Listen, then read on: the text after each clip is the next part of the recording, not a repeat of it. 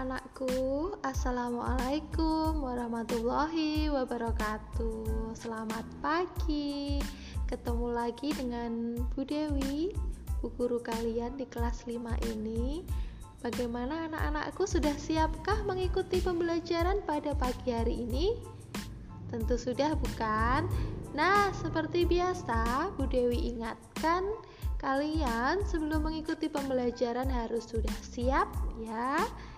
Seperti kalian kalau mau berangkat sekolah, artinya sudah rapi.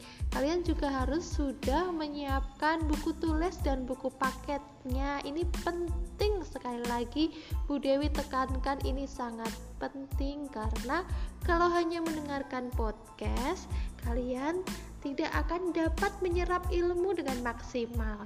Sebaiknya harus dibantu dengan mengamati buku yang telah diserahkan dari sekolah untuk kalian. Baik anak-anakku, untuk memulai pembelajaran pada pagi hari ini, mari kita berdoa menurut agama dan kepercayaan kita masing-masing. Berdoa dimulai.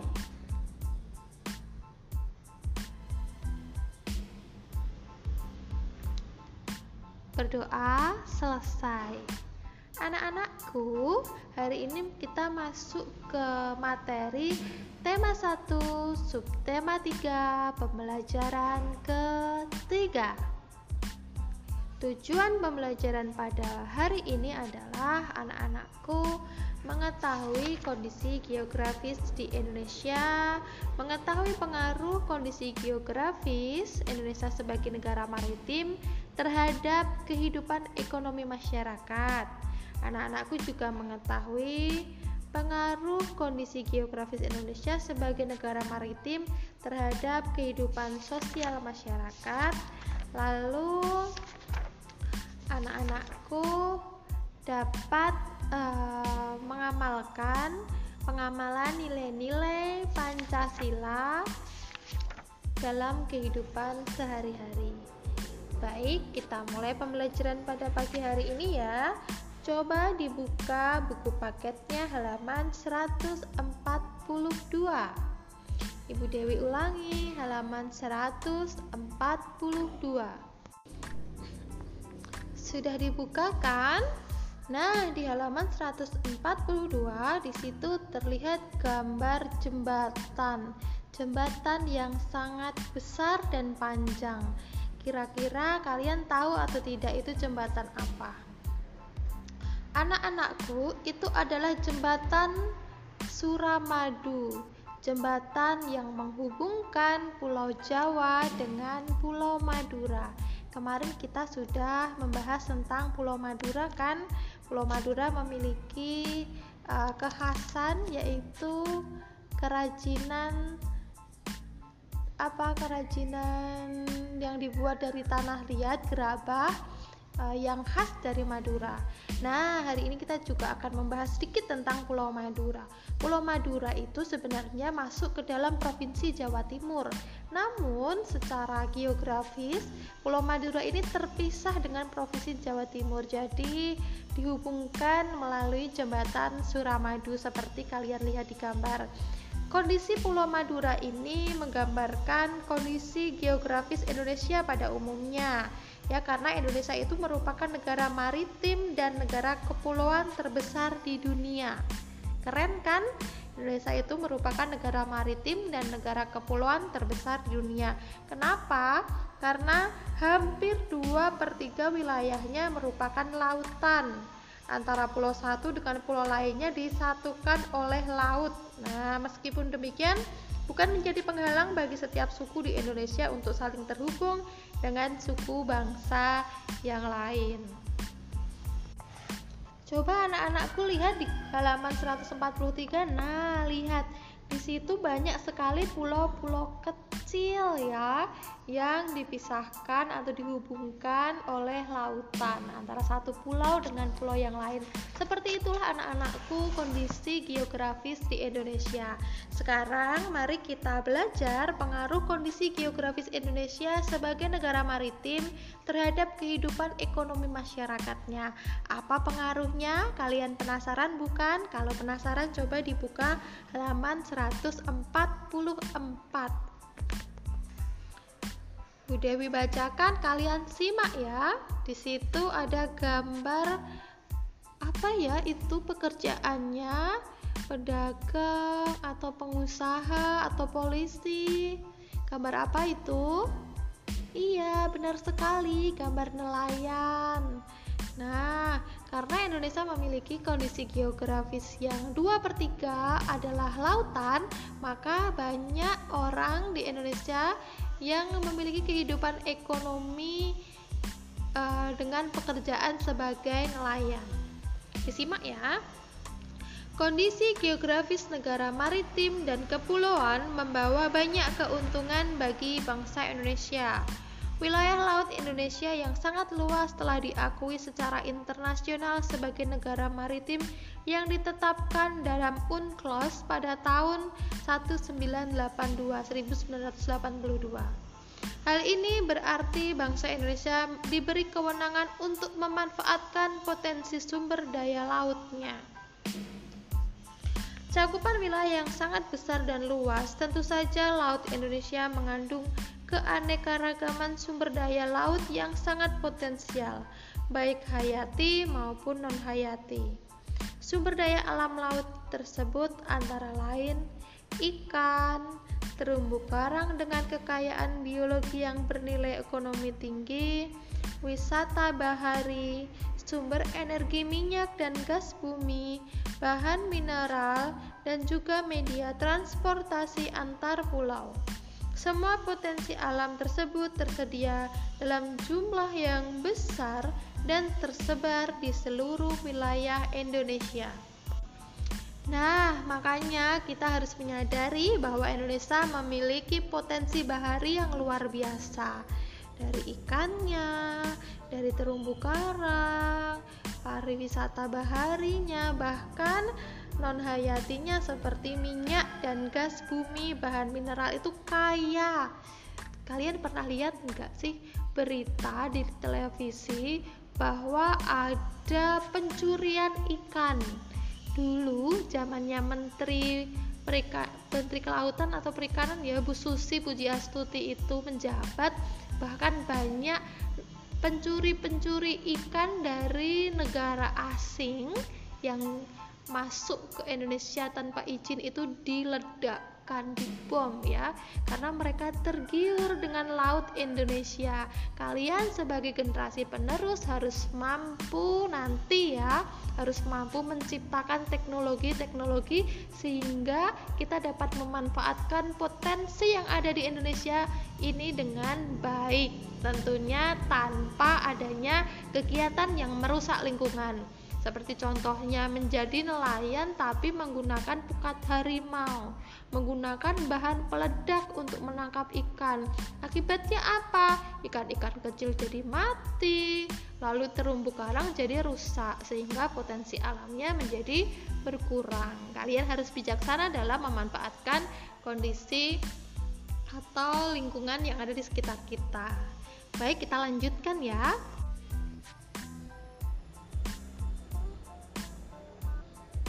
Besarnya peluang ekonomi dari pemanfaatan potensi sumber daya laut yang sedemikian besar ini tentunya dapat memberikan kontribusi bagi kehidupan ekonomi masyarakat Indonesia hingga pada akhirnya juga akan memberikan kontribusi bagi kesejahteraan bangsa.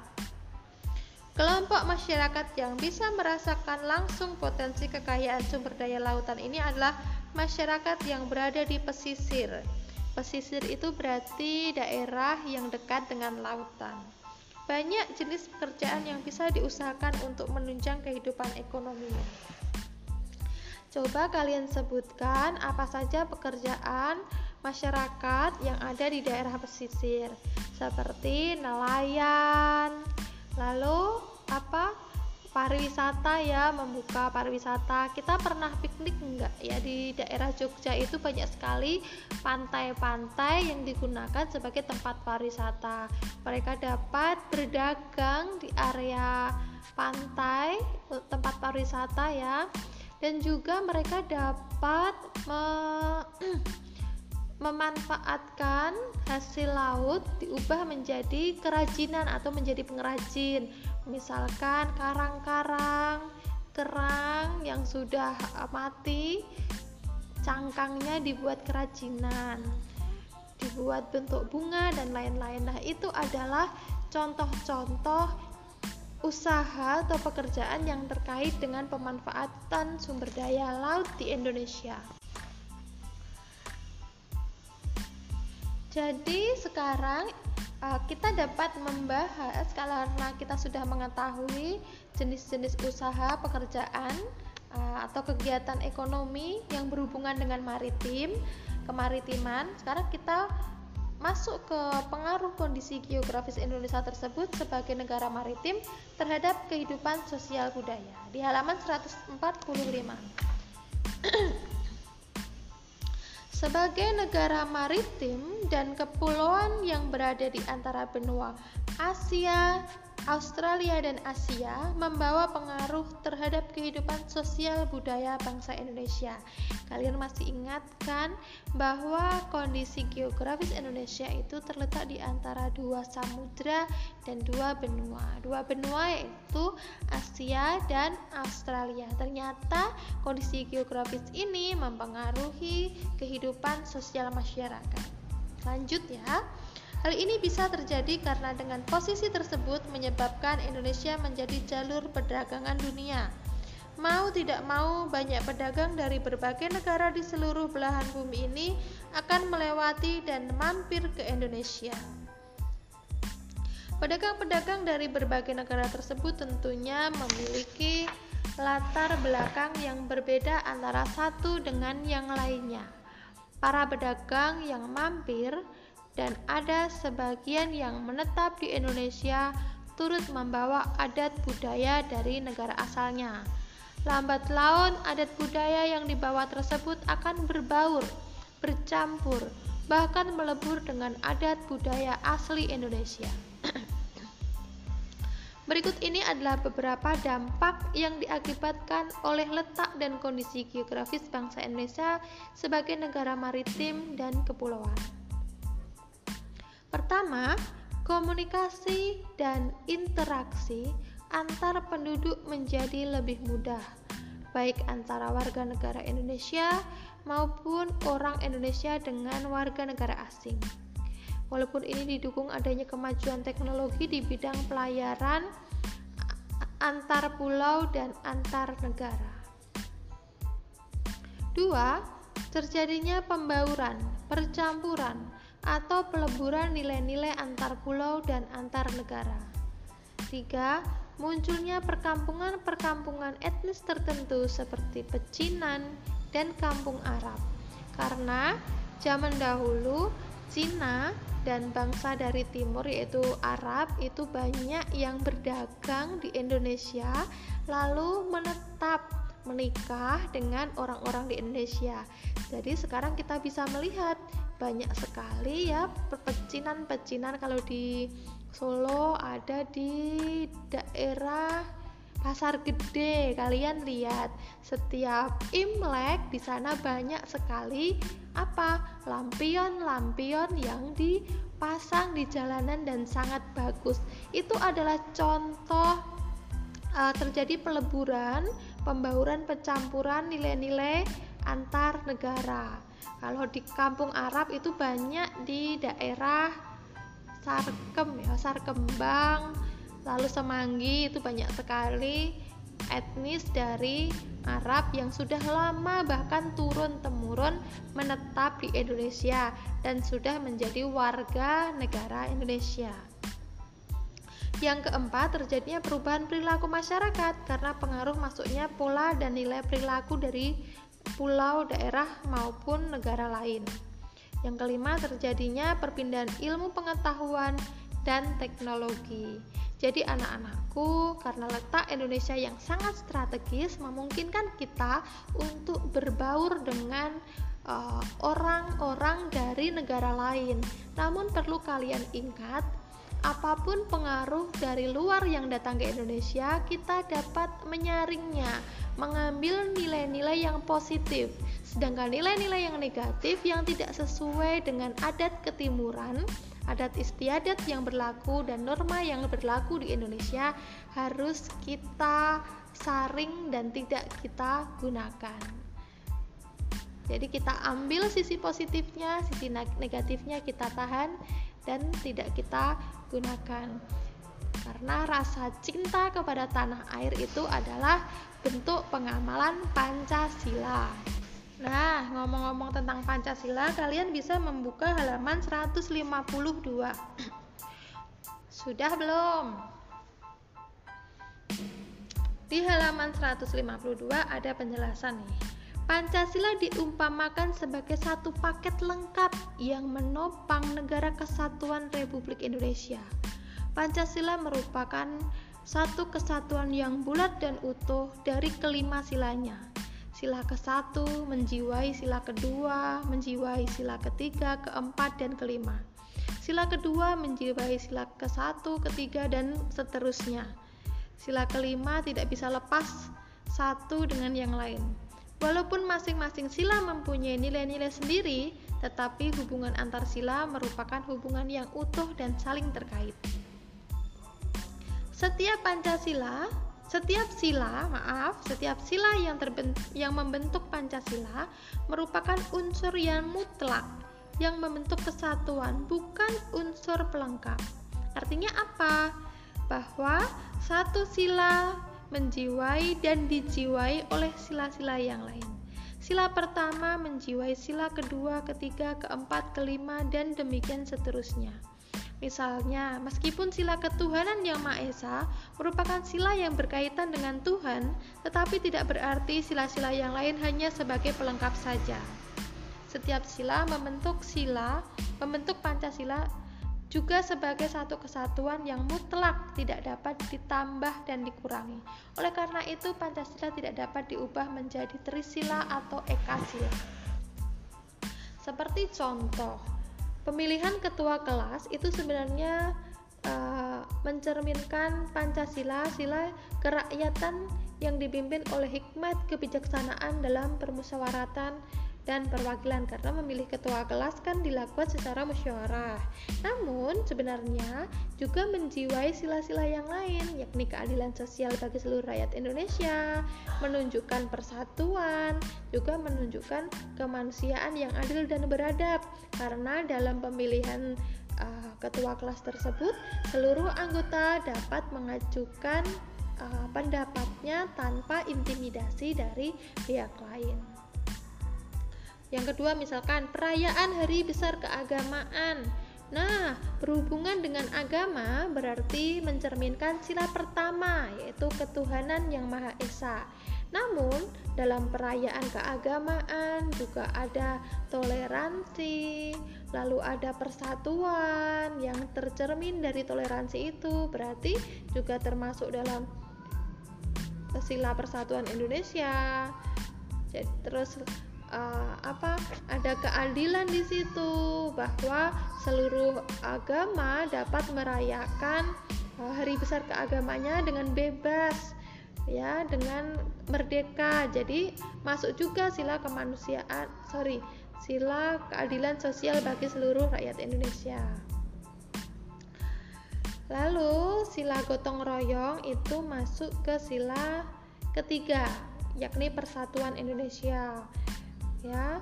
Namun dalam pelaksanaannya jika ada musyawarah, misalkan mana dulu yang harus dipasang, um, papan mana yang harus dipasang, siapa yang harus dipasang, uh, memasang. Kalau ada musyawarah dalam kegiatan gotong royong, berarti juga mencerminkan sila kerakyatan yang dipimpin oleh hikmat dalam kebijaksanaan uh, dalam permusyawaratan dan perwakilan. Jadi intinya setiap pelaksanaan nilai-nilai Pancasila sebenarnya ada juga muatan sila-sila yang lain yang ada atau mendukung uh, pencerminan sila Pancasila tersebut.